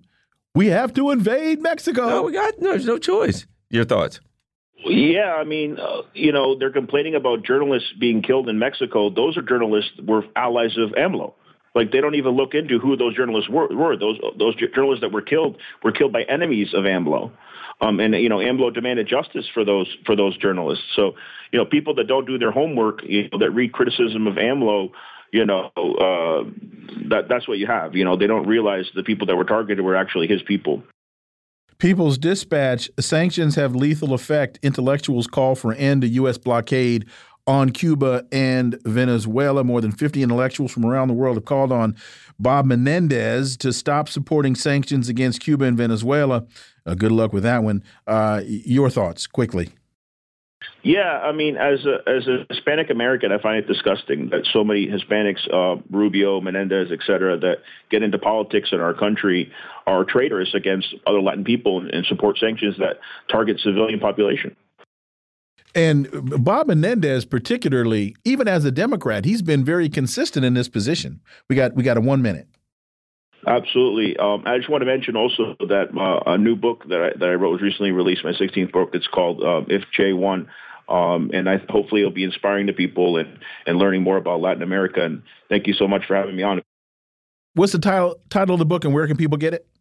Yeah, they can get it on Amazon. It's called If Che One. It's about uh, Che Guevara and alternative history um, and his struggle in South America. Alex Suarez, as always, thank you so much for your time. Greatly, greatly appreciated. If Che One is the book, and you can find it at Amazon. Alex Suarez is the author. Look forward to having you back.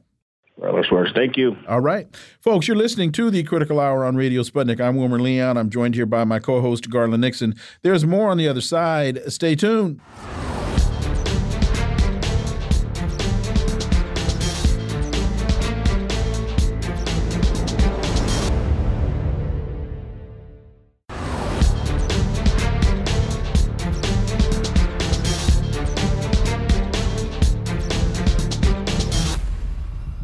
We are back, and you're listening to the Critical Hour on Radio Sputnik. I'm Wilmer Leon, joined here by my co host, Garland Nixon. Thank you, Wilmer. There's a great piece, uh, I think this was from the Washington Post Americans turning to installment apps, Klarna, Affirm to buy groceries.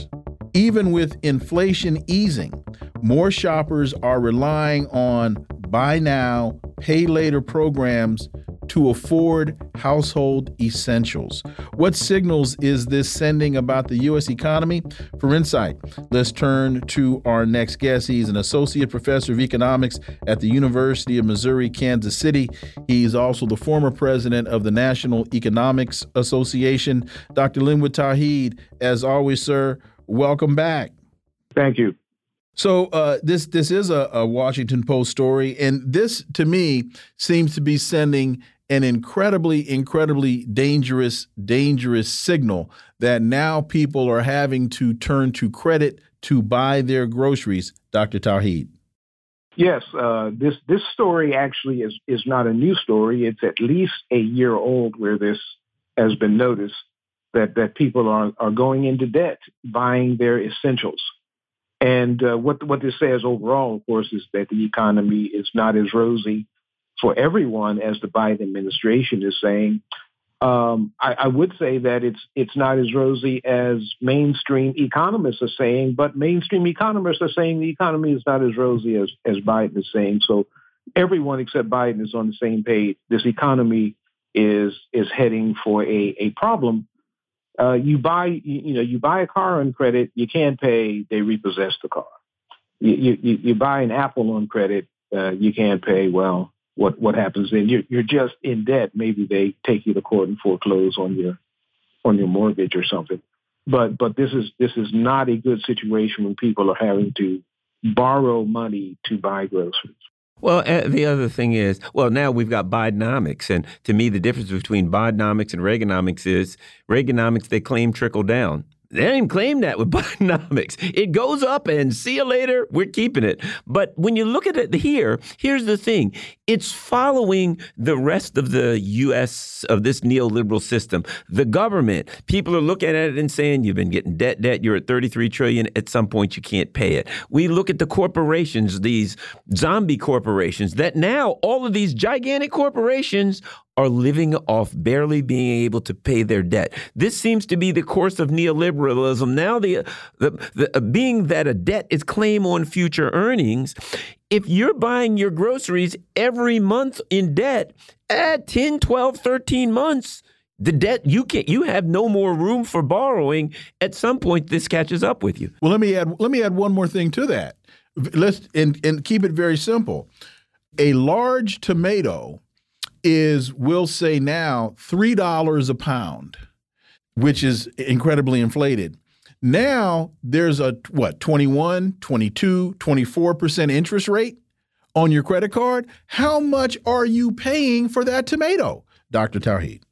Well, I mean, in, in, these cases with the buy now, buy now pay pay later uh, firms that are in this story, uh, they don't charge interest, but but they do charge significant above uh, credit card rates if you if you miss a payment mm-hmm. late, and and at some point it's it's guaranteed that you're going to miss a payment. You have more debt than you have income. I mean, anyone who has to go into debt to buy groceries is doesn't have sufficient income to to buy groceries. And if that's uh, you know a long-standing situation, it, it, eventually is going to come to an end. Let, let, me say we don't have time to discuss here, but there's a difference between government debt and private debt. Mm-hmm. And and a colleague of mine uh, uh, before the 2008 crisis uh, estimated that it was private debt that was going to lead to the cap- collapse of the economy, not not government debt but but but private debt is increasing and eventually we'll end up in the same situation we were in in uh, 2008 where it, it, there will be a collapse Here's another thing about the type of debt uh, when for people who are in desperation, and that is the the poor people see things differently. Look, if I got debt at the end of the month, one of them turns off my electricity. I got to pay that. The other one is uh, that's the food I ate last month. I'm always going to put out the fire that's in front of me. So ultimately, what happens with all of these people buying stuff, food on times, they're going to eventually get to a point where they got to choose bills. They're probably, oh, first of all, they're already there. So when they get to the point where choosing bills means paying this or not, they paying that. They're going to have to pay the things that they need to survive. And eventually, to me, this Klarna thing turns inside out when it comes to debt. Your thoughts? Yes, and we already know that persons on fixed income have for a long time been having to make the decision between medis- medication and food. Uh, in, this case, uh, and, in those cases, it's usually medication that that goes first. It goes. People don't don't buy their meds, but they do buy food. In this case, when people can no longer afford meds and no longer buy food, well, then, as you said, it's lighter. Businesses are cutting workers' hours in a warning sign for the economy. The number of people working part time for reasons beyond their control rose by 452,000 last month, the biggest jump in more than three years. Businesses are starting to cut workers' hours, forcing hundreds of thousands of people into part time roles in what could be an early warning sign for the economy. Can you say Bidenomics? Well, by, yeah, Bidenomics in this case means that uh, that uh, Jerome Powell, uh, the Federal Reserve, is relying on the unemployment rate to decrease, uh, to excuse me, to increase before they will stop increasing interest rates. The problem is if you go from 40 hours a week to 10 hours a week, you're still employed. The unemployment rate does not change. Even though uh, you have a quarter of the income that you've had before, you can no longer afford your groceries and so forth. Uh, and and so the economy is internally sinking, but but but the uh, the um, I guess the uh, the the story that the Biden administration is going to tell is that everything is okay because the unemployment rate is still strong, even though the Fed is trying to bring it down. And so, and so, what this what this portends is is when things you know, reach the, the, the end of the line, we will we will have uh, a sudden and severe collapse, uh, and and and the unemployment rate may may not may not even change. And so, you know, these old figures, these old rates that don't account for uh, gig economy and part-time jobs and so forth are, are very deceptive and really should not be used by by government agencies in determining what their policy is going to be. And don't you get that um, feedback loop where, okay, they cut the people's hours because things are difficult, but those people have less money, and so they can't buy the stuff, so they cut their more hours even more because people can't buy their stuff, and you get back to that contradiction of capitalism where the people can't afford the product or serving that they're buying, that service that they're buying on a small, on a more micro than macro level. Dr. Well, this is this is what what's called the multiplier effect. I mean, we learned this uh, from uh, John Maynard Keynes in terms of his analysis of the Great Depression and his solutions. Is that one person's income is uh, spending is someone else's income. So if you don't spend, others don't have income. They can't spend, and so others don't have income. This is a downward spiral, and and and it it, it is the evidence of collapse in the Great Depression but it's but it's also a uh, a coming coming collapse here, uh, because and we see all the signs. And what about they uh, in this article, which I found very interesting? They talk about economists warn against making too much of this single data point. They say that the latest spike in involuntary part time work can be a harbinger of layoffs to come. Looking at this indicator, along with two straight months of decline in black employment, gives Michelle Evermore, the senior fellow at the Century Foundation, a bit of pause. And it's important when we talk about unemployment numbers, we know historically that unemployment for African Americans is usually double that of the national rate. Yes, uh, this the, the, now the it, there's some interesting phrasing here. It, it, says that black employment has decreased. Well, it would have been clearer if they said black unemployment has increased. increased. Right, right, uh, two consecutive times. Uh, uh, in in my looking at the data, we've had instances since the pandemic, for example, when a regular the general unemployment rate goes down, but black unemployment rate goes up. But that's only happened one month in the past, uh, and it, and it's uh, you know followed the white unemployment uh, the, the other month. This time we've had two consecutive months of, of black unemployment increase while the regular unemployment rate has has has decreased or, or remained stable. Uh, this is, I guess, the canary in the mine effect. And and uh, you know the Federal Reserve obviously needs to be uh, looking at black unemployment, not just general unemployment, because black unemployment is going to be an indicator of things that are going to come. First, first fired, uh, last hired, first fired. And in this case, uh, it is an indicator that uh, the economy itself is going to be in, in desperate situations. And, uh, you know, when they talk about all this discussion about fighting inflation, they act like inflation is the only concern in the economy. It's one of the indicators and it's one of the issues, but it's not the only issue.